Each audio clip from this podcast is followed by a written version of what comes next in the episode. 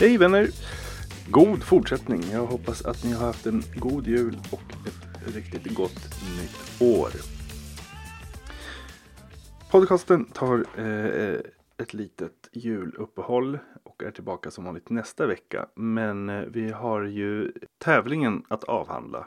I avsnitt 75 eh, där jag och Joakim Melin pratar om datormagasin så lottade vi ut en skitsnygg datormagasin t-shirt.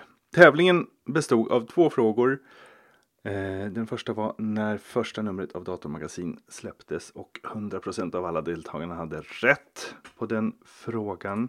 Svaret var alltså eh, maj 1986. Fråga två var eh, hur länge jag hade hållit på att bygga på mitt hönshus som jag eh, hade uppskattat till eh, 12 till 16 veckor ungefär. På den frågan kom det varierande svar. Vissa mer smickrande än andra. Eh, men den personen som kom närmast är faktiskt en kompilatordeltagare, Jakob Sagatowski, som har varit med två gånger. Eh, dels i kompilator 51 och dels i kompilator 14. Och hans uppskattning var så bra så jag måste nästan läsa upp det. Så här löd Jakobs svar. Killgissning kolon. Hmm, du gissade 14 veckor. Det är 98 dagar. Stora mjukvaruprojekt drar väl i snitt 50% över ursprungligt estimat. Så om jag lägger på 50% på de 98 dagarna och så avrundar jag uppåt till 200% Så vi säger 98 gånger 4 lika med 392 dagar. Eh, och det var otroligt nära. För rätt svar var 394 dagar. Så det var bara två dagars diff.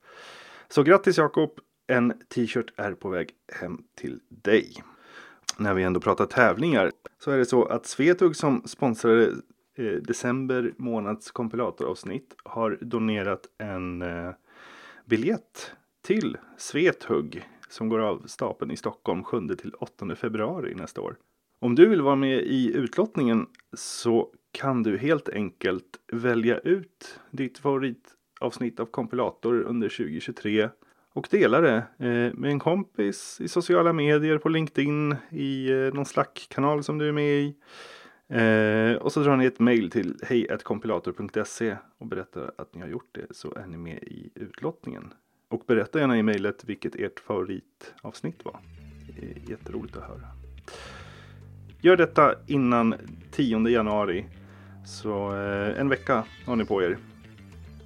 Än en gång, god fortsättning och eh, vi hörs nästa vecka. Hej!